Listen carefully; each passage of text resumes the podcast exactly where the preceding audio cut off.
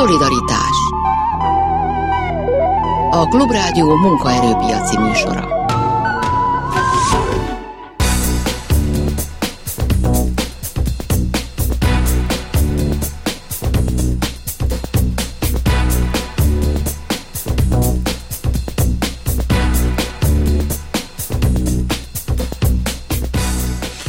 Jó napot kívánok, Sámesz János vagyok. A mai műsorban is beszélünk az Ukrajnából érkező menekültekről.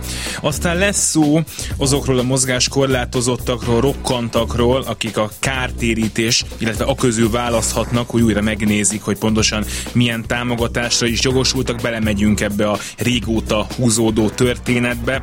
Aztán beszélünk majd arról, hogy lesz-e végül pedagógus sztrájk, és a nőnap kapcsán pedig természetesen a nők lehet lehetőségeiről a munkaerőpiacon.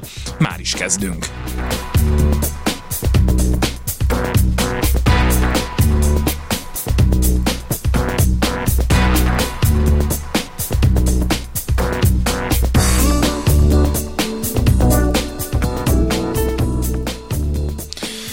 Horváth Viki, a Migration Aid kommunikációs szakembere van itt velünk a vonalban. Jó napot kívánok! Kívánok! A Klubrádióban rengeteget beszélünk arról, hogy még mindig nagyon sokan érkeznek eh, Ukrajnából Magyarországra is, és persze hát más országokba is. Most a hírekben is hallhattak a hallgatók egy riportot a nyugati pályaudvarról, hogy oda is folyamatosan jönnek az emberek. Most nézzük meg először azt, hogy a határon mi történik. Én most azt hallottam, hogy valamennyire csökkent a nyomás ahhoz képest, amennyien a háború kirobbanása után jöttek Magyarországra, de most mi a tapasztalat? Most tényleg kevesebben jönnek-e már, illetve hogy mire számítanak, hiszen ugye lehet arról hallani, hogy hamarosan kiengedhetik a civil lakosságot különböző ukrán városokból, nem lehet azt tudni, hogy ők aztán ott maradnak, vagy esetleg elindulnak akár Magyarország felé.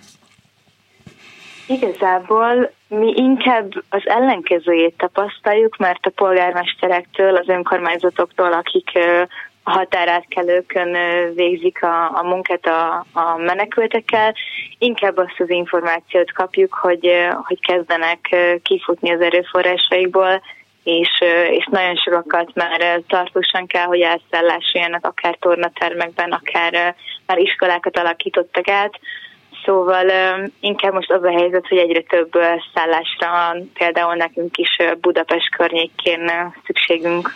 Ez azt is jelenti egyébként, hogy sokan itt maradnak, vagy inkább azt jelenti, hogy sok, van, aki itt marad, de hogy folyamatosan érkeznek, tehát hogy itt arról van szó, hogy néhány napra kell elszállásolni a menekülteket, vagy olyanokról is most már nagy számban beszélhetünk, akik itt is maradnak Magyarországon jó sokáig adott esetben. Ez annyiból vegyes, hogy körülbelül 20%-uk az, aki, aki itt marad, vagy aki tervek nélkül érkezik. Nagyon, sokak, nagyon sokan szervezetten menekülnek, ami azt jelenti, hogy néhány napon belül, vagy akár egyből elhagyják Magyarországot, de van ez a 20%, akivel mi úgy számolunk, hogy ők, ők akár hosszabb időre is maradnak, és szerintem ebből többen lemorzsolódnak, tehát több százalék lemorzsolódik, és kimegy idővel külföldre, de már egyre több olyan hír jön hogy maradnak ki, tehát hogy hosszabb távon szeretnének maradni Magyarországon. Majd mi beszélünk erről, hogy aztán milyen lehetőségei lehetnek annak, aki itt marad, de most nézzük meg a gyakorlatban, hogy ez hogyan történik. Megjelenik egy család mondjuk a ukrán-magyar határon, és akkor ott ők kivel találkoznak, ki ellenőrzi azt, hogy ők kicsodák, egyáltalán ellenőrzik-e azt, hogy ők kicsodák, aztán amikor ők bejutnak Magyarországra, akkor mi múlik az, hogy ők mondjuk melyik civil szervezettel, melyik segítő szervezettel, milyen állami szervezettel szervezettel találkoznak, és aztán hova kerülnek? Uh-huh. Ezt uh, úgy kell elképzelni, hogyha átjutnak a határon, ugye a határokon végzik a, az ellenőrzéseket, tehát hogy ez nem a, nem a civil szervezetek, segélyszervezetek feladata. Hogyha valaki átjut a határon, akkor, akkor találkozik a szervezetek munkáival, ott történik akár a vasútállomásokon, vagy akár így a határátkelők közelében az ellátás. Nagyon sokan fel tudnak jönni vonattal Budapestre, szóval igazából nagyon sokakat várnak a határon, viszont ahogy feljönnek a nyugatiba vagy a keletibe, mi egyelőre onnan végezzük a koordinációt. Van egy adatbázisunk, és abból az önkénteseink 024-ben hívogatják a, a szállás felajánlókat, és, és ezáltal tudjuk koordinálni azt, hogy, hogy ki hova kerülhet, ki hol találhat szállást, illetve a héten most már Záhogyban is fogunk, tehát le fogunk küldeni egy önkéntes csapatot, hogy ott is állandó jelenléttel tudjunk segíteni a munkában. Tehát annak, aki mondjuk bejön akár gyalogszerrel a határon, ő akkor jó esélye valahol ott a környéken fog valakitől, polgármesterektől, akár most már ezek, szerint akár önöktől is hamarosan valamilyen szálláshoz jutni, aki pedig ide érkezik a fővárosba, ő akkor ott találkozik valakivel, aki, ha szerencséje van, akkor akár gondolom órákon belül, remélem, tud neki találni a felajánlottak közül egy szállást. Sőt, igazából ez még gyorsabban is megtörténik, mert a nyugatiban voltunk először jelen, hogyha ha ránézünk a nyugatira, a tizedik vágányra érkeznek be ezek a vonatok, és a tizedik vágány mellett kinyitottak egy termet, amin keresztül el lehet hagyni a nyugati épületét.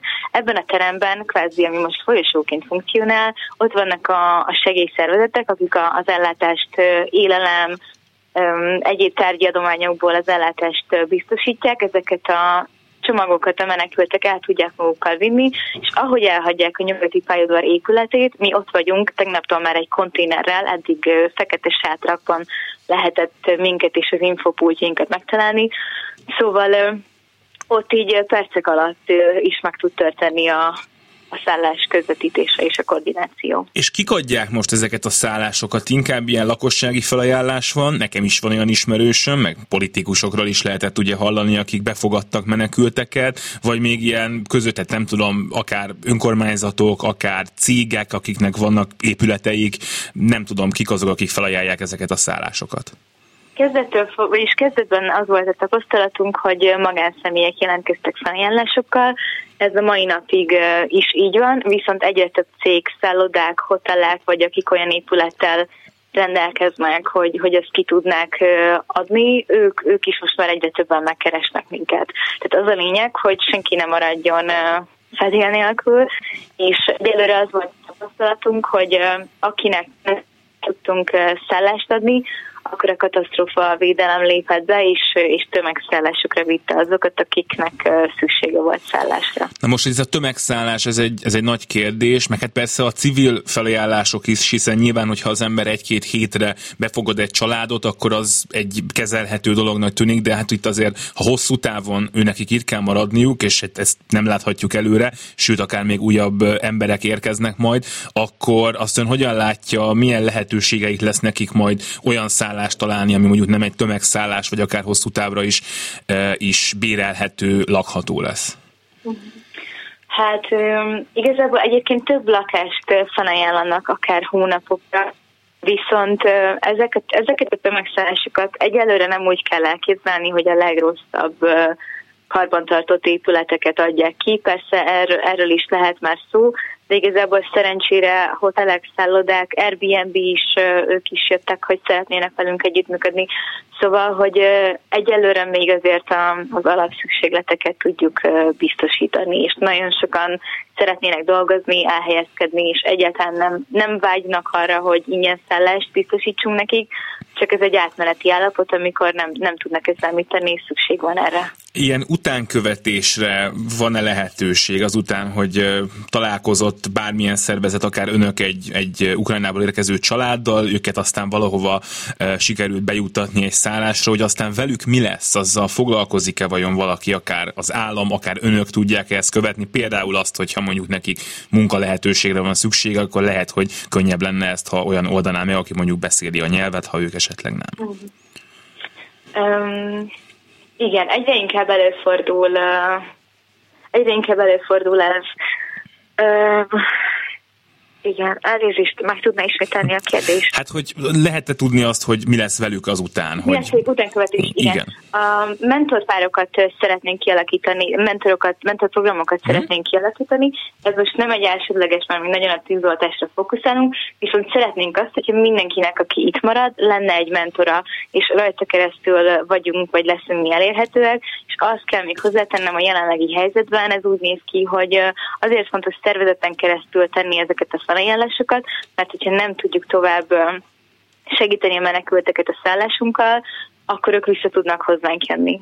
Tehát, hogy akkor, akkor mi itt be tudunk lépni, és keresünk egy ügyasztállást. Nézzük meg egy picit a magyar államnak a szerepét annyiból, hogy eleve itt az érkezők között ugye nagyon sokan lehetnek, akik egyébként magyar állampolgárok is. Nem tudom, hogy ők egyáltalán kérhetnek-e menedékjogot, vagy bármilyen segítséget az államtól, illetve jönnek azok, akik ezt ugye bár megtehetik. Arról mit lehet tudni, hogy most itt ilyen eljárások folynak-e, vagy lehet-e az, hogy itt akár több ezer embert, vagy talán még ennél is többet, majd hosszabb időre a magyar állam be fog fogadni, és aztán itt valamilyen ellátásban is részesít, vagy segítségben legalább. Akik rendelkeznek magyar állampolgársággal is, tehát akik mondjuk kettős állampolgárok, nekik egyszerűbb a helyzete az itt maradást illetően, viszont pont a mai napon, azt hiszem a mai napon megszüntették a menedékes státuszt, és pont most jön majd egy meeting a Helsinki, Magyar Helsinki Bizottsággal arról, hogy, hogy akkor most mi a helyzet, mert hogy akik harmadik országból jöttek és úgy tartózkodtak Ukrajnában, nekik ez problémát fog okozni. Most úgy tudom, hogy 30 napig tudnak Magyarországon maradni, de hogy ez, ez mennyi ideig fog fennállni, vagy ez, egy, tehát, hogy ez így fog maradni, azt nem tudom, és ez, ez számunkra kicsit aggasztó. Még egy kérdés csak a jövőről, és nyilván ebbe nem láthatunk biztosat, de mégis önök találkoznak Ukrajnából érkező emberekkel, beszélgetnek velük, ők talán elmesélik, hogy most mi jöttünk, de jövő héten már jön a család többi tagja is, szóval, hogy Persze attól is függ ez, hogy hogyan alakul a háború, de hogy számíthatunk-e még akár arra, hogy a következő hetekben ki tudja mennyi időben újabb emberek érkeznek, főleg, hogyha mondjuk azt hallják a már itt lévő ismerősöktől, hogy Magyarország nagyon rendesen befogadja őket, és itt segítséghez jutnak, jönnek-e vajon majd még többen? Hát összesen arra számítunk, hogy Ukrajnából 7-8 millió ember fog elmenekülni. Jelenleg én úgy tegnap néztem a, a számokat, úgy tudom, hogy körülbelül egy milliónál tartunk. Hát akkor Hozzánk még... Körülbelül 200 ezer fő érkezett eddig be. Úgyhogy számíthatunk rá, igen. Akkor biztos, hogy fogunk majd még beszélgetni erről. Horváth Viki, a Migration Aid kommunikációs szakembere volt itt velünk. Minden jót kívánok! Szolidaritás 500 ezer forintos egyszeri kártérítés, vagy egy ígéret járt azoknak a rokkantsági ellátásra jogosultaknak, akiknek a státuszát egy új szempontrendszer szerint megállapították, és ezért lecsökkent, vagy akár meg is szűnt a korábbi járandóságuk. Ez az ügy az Alkotmánybíróságra, meg Európai Bíróságra is került, és a magyar állam ezt a kérdést most rendezi. Itt van velünk Hegedűs Lajos, a Mozgáskorlátozottak Egyesületeinek Országos Szövetségének volt vezetője, ma is aktív tagja. Jó napot kívánok! Jó napot kívánok! Először csak nagyon picit nézzük meg a múltat, bár az elmúlt időszakban azért már megint volt erről a témáról szó, de picit menjünk bele abba, hogy ez hány embert érintett, mi történt egyáltalán 2011 után, amikor egy új törvény ezt az új szempontrendszert behozta, és nagyon sok mindenkinek újra megvizsgálták a, az állapotát. Néhány mondattal én tényleg szeretnék a múltra visszatérni, ugyanis amikor Magyarország azt hangoztatta, vagy a magyar kormány, hogy Magyarországon van az Európai Unióban a, a rokkantsági nyugdíjasok legmagasabb száma, több mint 800 ezer, akkor ez egy nagyon durva csúsztatás volt, ugyanis beszámították azokat a valamikor rokkantsági nyugdíjba kerülő embereket, akik közben öregségi nyugdíjra lettek volna jogosultak, tehát idősek voltak már, és nem rokkantsági nyugdíjasok, de nem sorolták át őket, hanem rokkantsági nyugdíjat kaptak.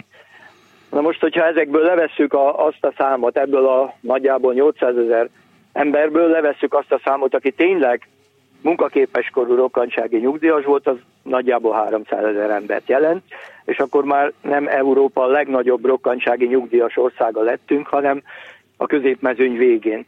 Tehát ez egy nagyon erős csúsztatás volt, és még hozzá tette az akkori kormánypropaganda, hogy ezeknek az emberek a nagy száma csaló, ami szintén nem bizonyosodott be.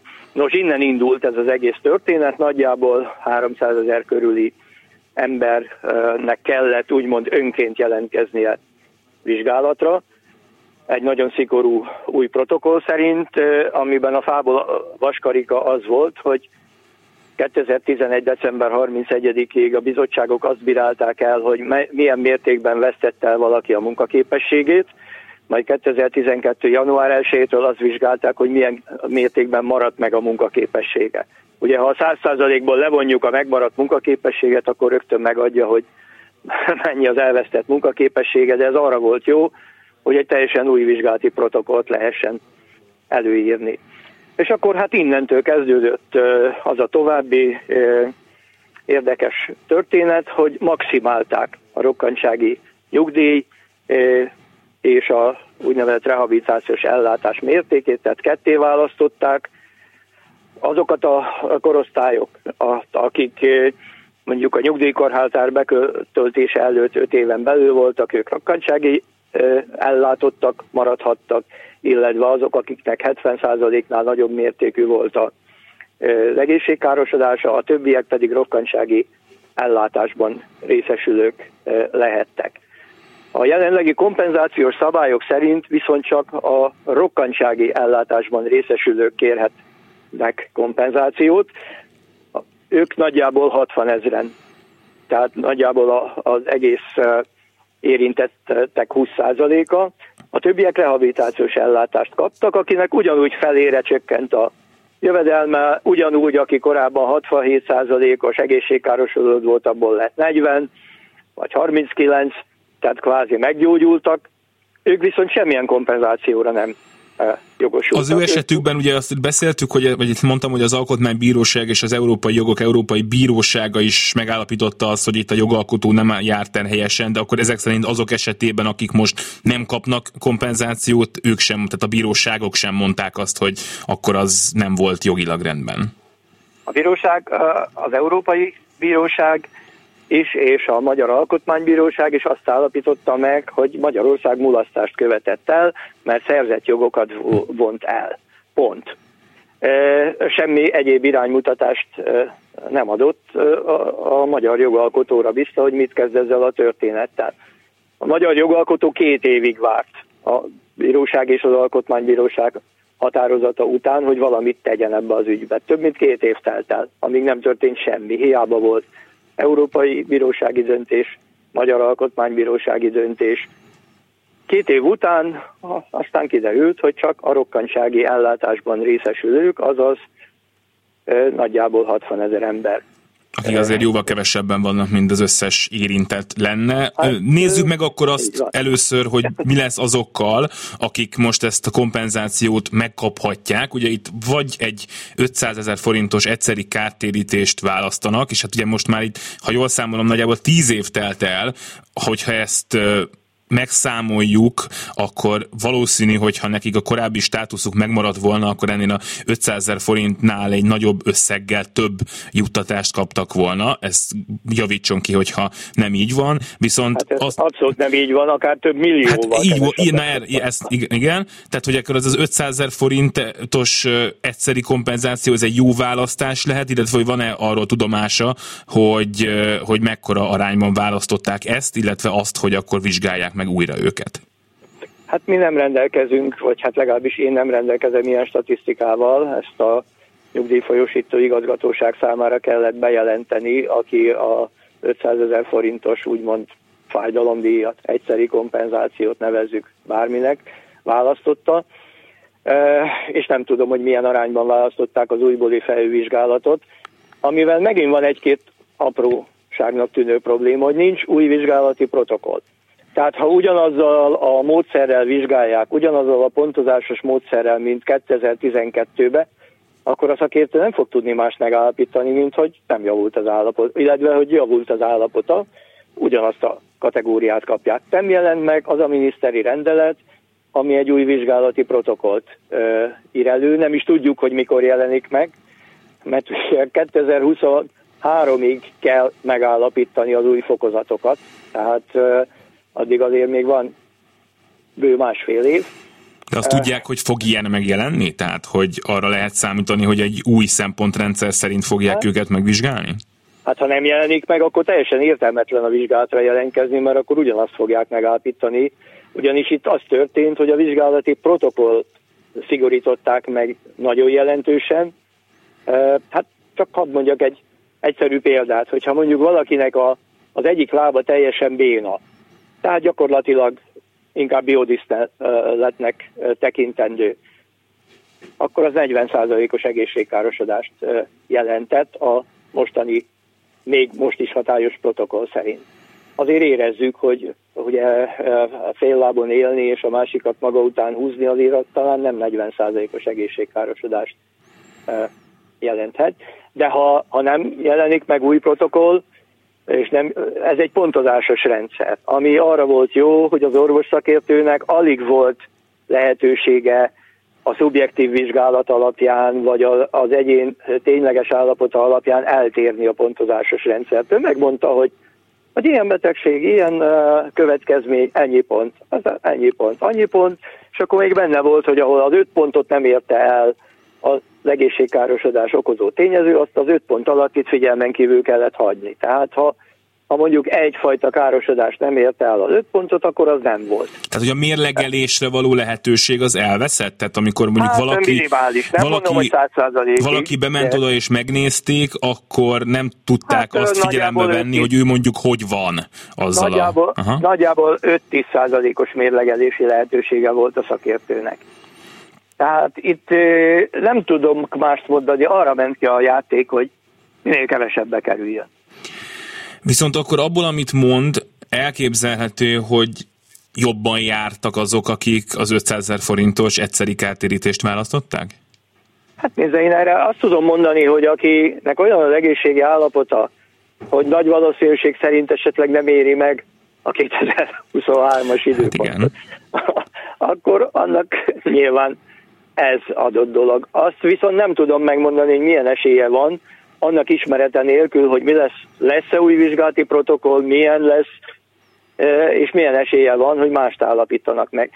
A sérül, vagy hát a jogok sérülése és a jövedelem sérülése, azért ha kiszámítjuk, az elmúlt tíz évben nem évi 50 ezer forint kárért valakit, ha mondjuk csak egy konkrét példa, 91 ezer forint rokkantsági nyugdíj helyett 42 ezer forint rokkantsági, állapít, rokkantsági ellátást állapítottak meg számára. Most ezt kiszámítjuk, ugye akkor ez 4 millió forint fölött van ez a különbözet. Hát igen. Még egy nagyon rövid kérdés, ugye most itt a hallgatók hallhatták ezeket az összegeket, hogy hát ott azért roppant alacsony uh, támogatások, vagy jutatásokról beszélünk. Mi lehet, mi történt azokkal? Nyilván nem lehet általános, általánosítani, akinek mondjuk lefeleződött ez a támogatás. Valamilyen munkát, ha mondjuk korábban nem volt neki, muszáj volt keresnie, vagy ennyivel kevesebb pénzből kellett megélnie, tehát hogy, hogy hogyan alakult az ő életük? Igen, uh, jobb esetben talált munkát, ugyanis ugyanis bizonyos kedvezményeket kaptak a foglalkoztatók, ha megváltozott munkaképességi embereket foglalkoztatnak. Ez egy nagyon jó döntés volt, de a tapasztalat az, hogy elsősorban az alacsonyabb sérülési mértékű embereket alkalmazták, jellemzően minimálbérért, jellemzően részmunkaidőben. Viszont tény az, hogy valóban megnőtt a foglalkoztatottak száma, tehát ez egy, ez egy teljesen világos tény akik városban éltek, vagy olyan helyen éltek, ahol volt valamilyen foglalkoztatási lehetőség, és viszonylag alacsonyabb mértékű, azaz nem kellett semmilyen munkai átalakítást vagy egyebet végezni, hanem be kellett ültetni mondjuk egy összeszerelő munkába a munkapad mellé, azoknak a jelentős száma el tudott helyezkedni, és munkajövedelemből ki tudta egészíteni azok, azt az ellátást, rehabilitációs vagy rokkantsági ellátást, amit kapott. De ha kis településen élt, ahol nem volt foglalkoztatott, vagy súlyosabb mértékben, mondjuk kerekesszékben élt, vagy, vagy valamilyen munkahelyi átalakításra volt szüksége, azok nem nagyon kellettek, kellenek a munkaerőpiacon. Tehát ez egy teljesen eshetőleges dolog, de tény, hogy többen dolgoznak ma megváltozott munkaképességüként, mint a, mennyien dolgoztak a ö, jogszabály megjelenés előtt. Ez még egyszer hangsúlyozom, azoknak a kedvezményeknek köszönhető, amit a munkáltatók kaptak, hogy például ö, nem kell szociális hozzájárulási adót fizetni ezután a dolgozó ö, után, beleszámít az ő általa kötelezően foglalkoztatott létszámba, tehát nem kell rehabilitációs adót fizetni. Tehát ezek a kedvezmények segítettek abba, hogy hogy több ember el tudja helyezkedni, de jellemzően minimálbéren és nagyon-nagyon nagy mértékben csak részmunkaidőben. És azt tegyük hozzá, hogy az persze jó, hogy ők tudnak dolgozni, de ez nem változtat, vagy nem befolyásolja azt, hogy valakitől elvették-e a szerzett jogát, vagy nem vették el, és hogy ez jogszerű volt-e. Tehát, hogy ez, ez pont, ilyen szempontból egy másik, másik kérdés. Pontosan így van. Az nagyon jó, hogy, hogy adott esetben többen dolgoznak. Tehát ezzel az égvilágon semmi probléma nincs, hiszen a rehabilitációnak ez a, ez a lényege, hogy aki dolgozni tud, az dolgozhasson, és valóban történtek kedvező intézkedések, ösztönző intézkedések ebben. Nagyon szépen köszönöm. Az jövedelmet az, nem befolyásolja. Az világos. Hegedűs Lajos, a MEOSZ volt vezetője volt itt velünk. Minden jót kívánok. Köszönöm, viszont hallásra minden jót. Szolidaritás Klubrádió. Tények. Vélemények. Következnek a Klubrádió hírei. Jó napot kívánok, a mikrofonnál Kárpáti János. Ausztria felfüggeszti a koronavírus elleni általános oltási kötelezettséget, mert a védőoltás kötelezővé tétele nem arányos az uralkodó Omikron változat okozta járvány súlyosságával közölte az osztrák alkotmányügyi miniszter Bécsben. A döntés alapját a témával foglalkozó szakértői bizottság jelentése képezi. Johannes Rauch egészségügyi miniszter elmondta, három hónap múlva felülvizsgálják a döntést. Amennyiben a helyzet szükségesé teszi, gyorsan fognak reagálni, és újra életbe léptetik az oltási kötelezettséget, tette hozzá. A sztrájkra készülő pedagógusok szakszervezetei nyílt levélben szólították fel a kormányt arra, hogy az oktatásban dolgozók munkabeszüntetése idejére levont bért használja jótékony célokra, a menekültek támogatására a pedagógusok szakszervezete és a pedagógusok demokratikus szakszervezete a pénzt az Ukrajnából elmenekült családok támogatására, gyermekeik tanítatására szánná, és azt kéri, a kormány hozza nyilvánosságra, miután a pénzt átutalta ilyen célokra. A két szakszervezet felkérte az egyházi alapítványi és az önkormányzati iskolák fenntartóit is, hogy fordítsák a sztrájkolók kiesett bérét humanitárius célokra. Az ukrajnai háború kitörése óta ma reggelig 1 millió 330 ezer ember érkezett Ukrajnából Lengyelországba, közölte a lengyel határőrség. Tegnap 125.800 volt az érkezők száma. A legnagyobb számú határátlépést Ukrajna irányából eddig vasárnap jegyezték, amikor 142.400-an érkeztek Lengyelországba. Ma az ország nagy részén felhős időre számíthatunk, de a Nyugat-Dunántúlon kevesebb és vékonyabb a felhőzet, ott több órára kisüthet a nap. Holnap délelőtt a Dunántúlon még sok lesz a felhő, néhol kialakulhat kisebb hózápor, zápor, majd ott is csökken a felhőzet. A legalacsonyabb éjszakai hőmérséklet mínusz 6 és mínusz 1, a legmagasabb nappali hőmérséklet holnap plusz 1 és 7 fok között változik. Hírekkel legközelebb 15 órakor jelentkezünk itt a Klubrádióban. Klubrádió. Tények. Vélemények. Szolidaritás. És a nőnap. Herceg Mária, a Magyar Szakszereti Szövetség nőtagozatának elnöke van itt velünk. Jó napot kívánok! Üdvözlöm, és üdvözlöm a hallgatókat is. És hát ez az a téma, és akkor szerintem kezdjük is itt, ami lehet, hogy hangsúlyosan szerepel a cikkekben, az interneten, szoktunk róla mi is beszélni, volt már ön is a műsornak többször vendége, és ilyenkor a nőnap közelettével mindig kijönnek azok a hírek, hogy milyen kevés a női vezető, a bérkülönbségek, és ezeket azt hiszem, hogy a hallgatók jól ismerik, de hogy azon gondolkodok, hogy a gyakorlatban vajon mi az, ami történt, mondjuk mondjuk az elmúlt négy-öt évben azért, hogy a munkaerő piacon a nők helyzete javuljon, jobb legyen, és szerintem akkor kezdjük is itt, hogy ön, ön lát-e olyan pozitív változást, aminek, aminek így a nőnap, nőnap alkalmából lehet örülni?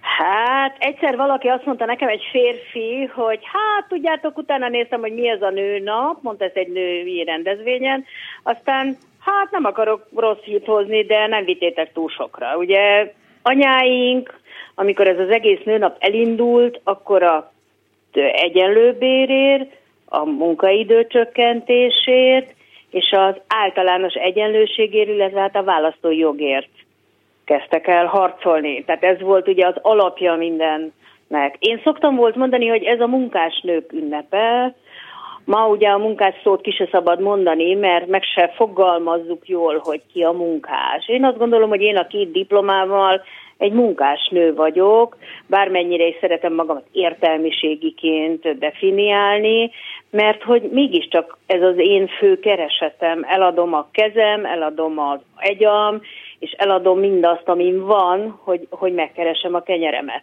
Hát szerintem ez is egy munkásság, tehát már, már a, a probléma ott kezdődik, hogy ma mi a munka fogalma. Gondoljon bele, hogy a digitalizációba ez a két év Covid mennyire átrendezte a gondolatunkat magáról a munka fogalmáról. Tehát azt kell mondjam, hogy ez a nőnap ehhez képest, vagy a nőknek ebben a helyzete, Hát azt kell mondjam, hogy nem, sok, nem, hogy nem vittük sokra, hanem még lejjebb vittük. Ön azt kérdezte, hogy látok-e valami javulást? Hát röviden nem. Ha hosszabban akar mondani, akkor nagyon nem.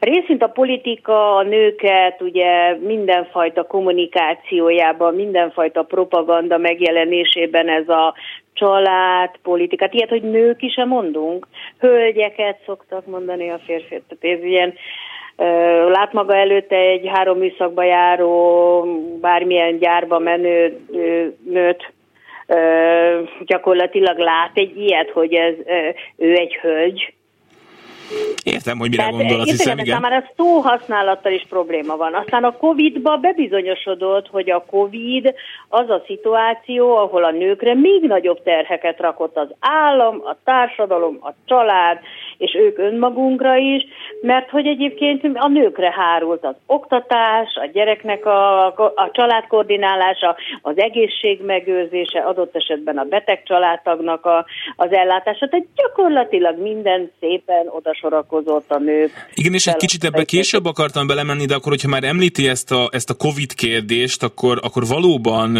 szóljunk erről néhány szót, hiszen amikor, amikor otthon kellett maradni, akkor ugye abból az következik, adott esetben, hogy többet kell otthon főzni, hogy többet kell otthon takarítani. Amikor online oktatás van, akkor az azt jelenti, hogy a gyerekkel ott kell lenni, be kell kapcsolni a, a számítógépét, stb. stb. Meg kell írni vele a leckét, meg meg kell bele tanulni most már az anyagot is, szóval ezek olyan feladatok, amiket akkor mondjuk úgy, hogy munkák, amik nagyobb részt a nőkre terhelődtek?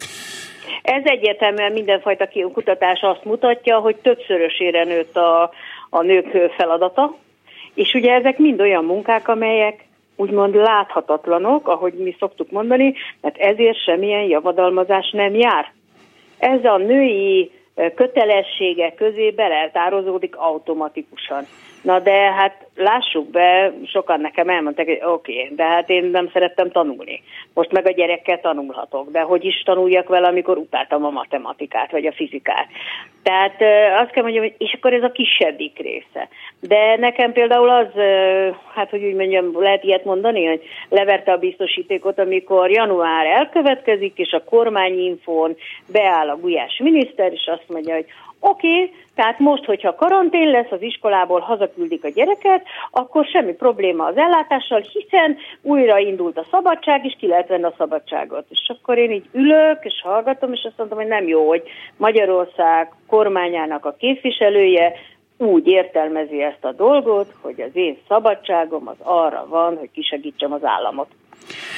Ugye mondta azt, hogy ön nem lát pozitívumokat, és akkor legyek én most itt az optimista fél, hogy nekem egy picit az az érzésem, hogy, hogy abban az értelemben is változnak a dolgok, hogy rengeteg szó esik arról, akár itt a egyenlő bérek fontosságáról, vagy akár arról is, amiről mi itt az elmúlt időszakban beszéltünk, hogy azért nem ér véget a nap azzal, hogy az ember kijön a munkahelyén az ajtón, és a nőknek meg aztán főleg nem ér véget, illetve én legalábbis a saját nem tudom, közösségemben azért látok olyan, olyan típusú alakulásokat, amikor már úgy nem érthetődik magától, most tényleg egy nagyon egyszerűt mondok, hogy, hogy a feleség mosogat el, mert miért nem mosogathatnék el én is. De olyan zseniális gépek vannak, amik ezt megteszik helyettünk. Ráadásul. Én ilyenkor azt szoktam mondani, hogy az a férfi, biztos, hogy az a férfi találta fel a mosogatógépet, amikor először be kellett menni, és a tányérokat elmosogatni neki, vagy nagy, kedvenc mondásom, hogyha nőket oktatok, vagy egyáltalán az esélyegyenlőségről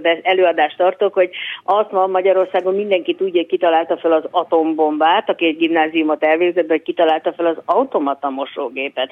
Mert én viszont nagyon szívesen őt propagálnám, hiszen hát ez egy olyan segítsége a nőknek, amit hát elmondhatatlan a nagyanyáinkhoz képest. De pozitívum. Ön pozitívumként említi azt, hogy hogy egyáltalán beszélünk a nők és férfiak bérkülönbségéről.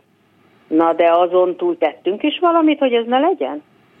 Hát időről időre, ugye a Magyar Szakszervezeti Szövetség nőtagozata vezetőjeként mi voltunk az elsők, akik nagyon hangsúlyosan évekkel ezelőtt elkezdtük ezt a témát napirenden, napirendre hozni, és azóta is napirenden tartani. Ha még emlékszik, akkor van nekünk ez a csonka 100 forintosunk, amiből ugye kivágtunk egy darabot, ami azt jelképezi, hogy annyival kevesebbet keresnek a nők, mint a férfiak. Sem a szabályzók, sem kampány, sem meghallgatás, úgy elfogadják, jól van, ezek ott elmondják, elmondják nőnapkor, elmondják nem nőnapkor, de hogy egyébként erről még mindig beszélni kell. És Európában így cikázunk, hol föl, hol lehet. Tehát hol 20 százalék, most már megint 18, hol 13, és akkor boldogok vagyunk, mert alácsúsztunk az európai átlagnak, de ez évről évre ugrál ez a dolog. Kérdezem miért? Tehát ha tudjuk, hogy van ez a probléma, akkor erről miért csak nekem kell, vagy nekünk kell nőknek beszélni folyton folyvást, miért nem evidencia?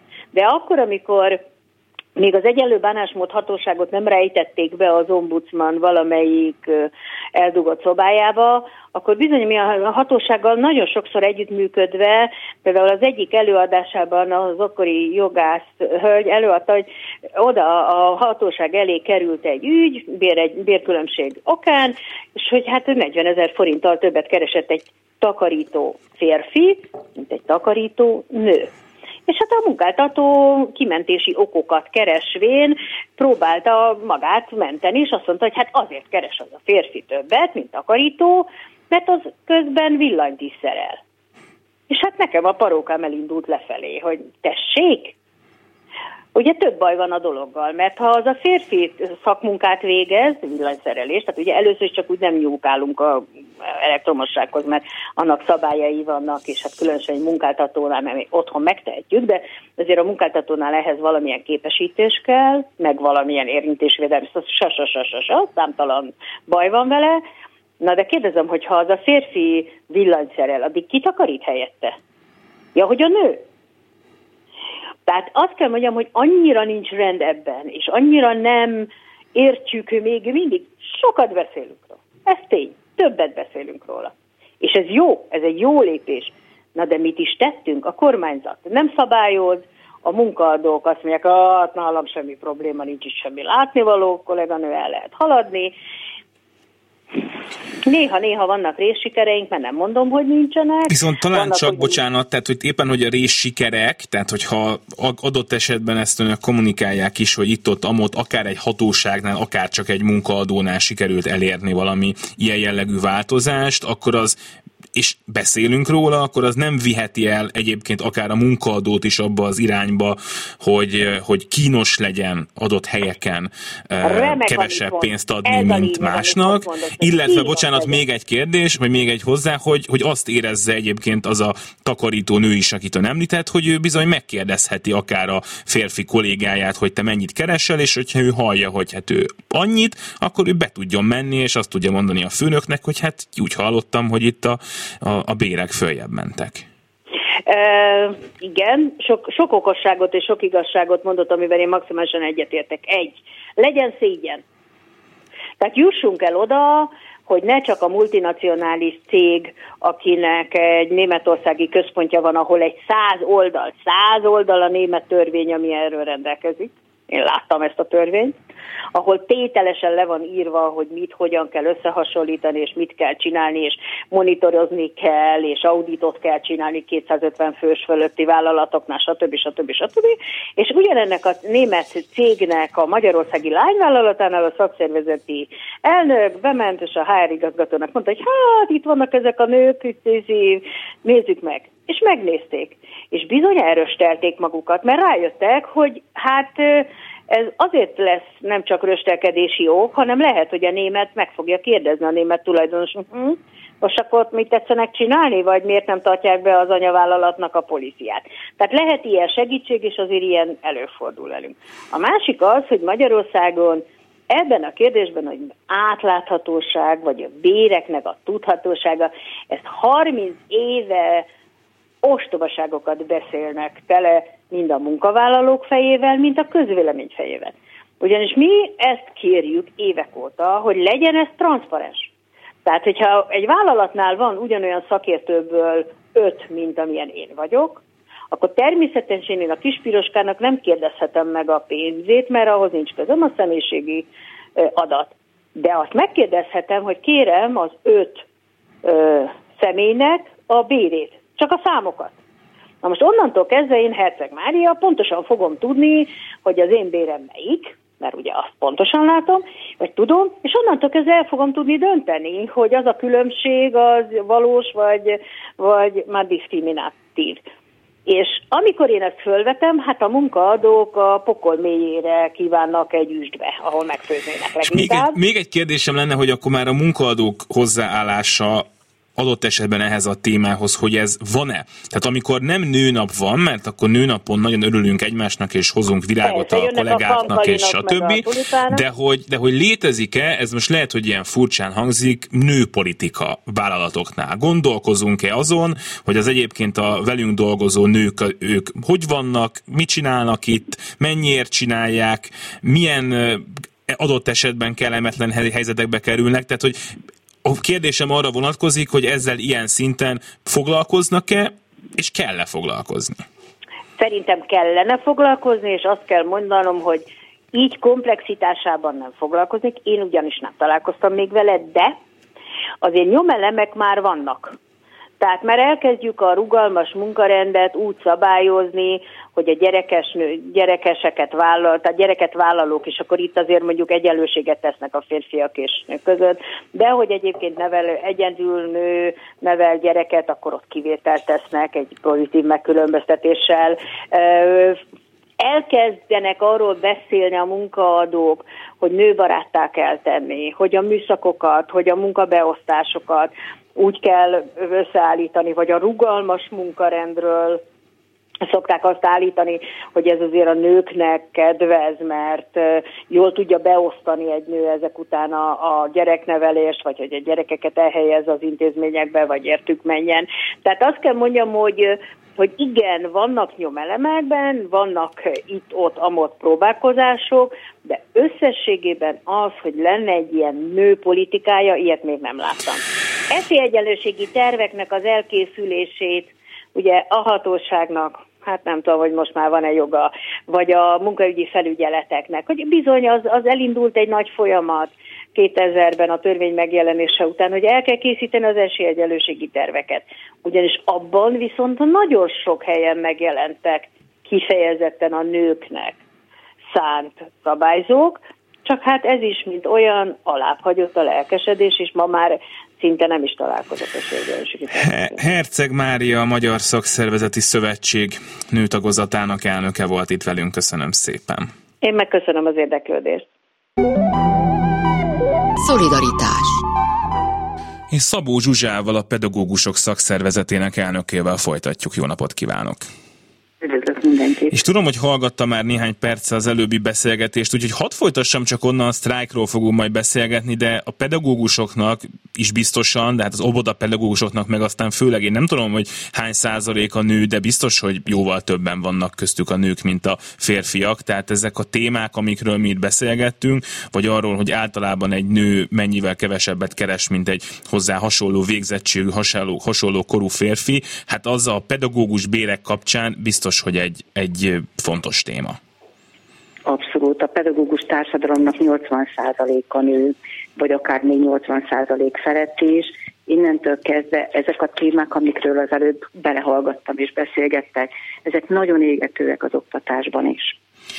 És akkor nézzük meg azt, hogy hogy áll a sztrájk szervezést, hiszen jövő hét lenne a nap, és azt gondolom, hogy miközben látni azt, hogy a pedagógusok egyébként függetlenül a sztrájktól milyen polgári engedetlenségi akciókat hajtanak végre most már rengeteg fővárosi és vidéki oktatási intézményben is, közben nekem nehezebb követni azt, hogy az önök egyeztetési folyamata a jogszerű sztrájkról a kormányzattal hogyan áll, úgyhogy kezdjük itt, hogy mikor találkoztak legutóbb a döntéshozókkal, és hát sikerült eljutni valamire, hogy akkor legalább megbeszéljék, hogy milyen a jogszerű sztrájk önök szerint, meg ő szerintük.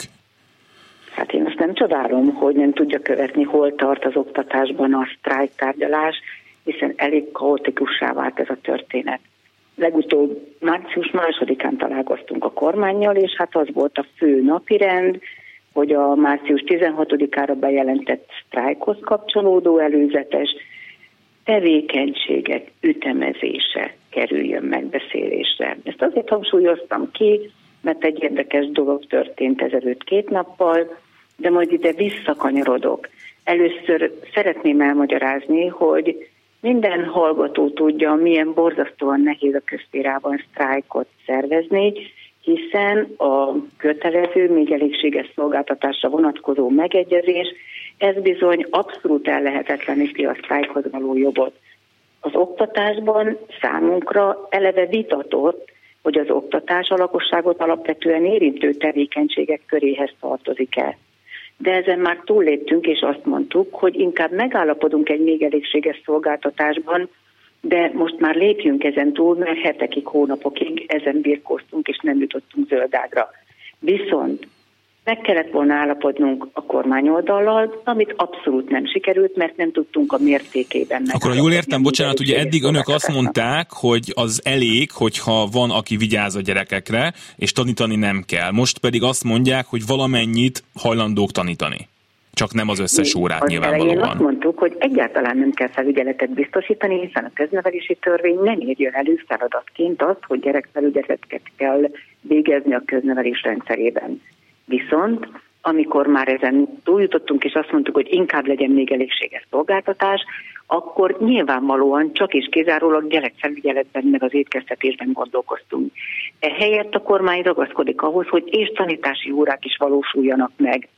Mégpedig 50-50 százalékban, illetve az érettségére vonatkozó tantárgyakban teljes 100 százalékos tanítást követel meg a sztrájk alatt ez azért nagyon érdekes. Ez ugye az a rendeletben szerepel, amit, a, amit ugye a Covid-ra hivatkozott veszélyhelyzet miatt tudott rendeletben a kormány szabályozni, ami önmagában furcsa, de most ezt hagyjuk. Na de lényeg, hogy ebben az 50%-os megoldásban ugye önök nagyon nem szerettek volna belenyugodni, gondolom, hogy ezt azért ezután sem nagyon szeretnék elfogadni, vagy igen, mert hogy nincs más?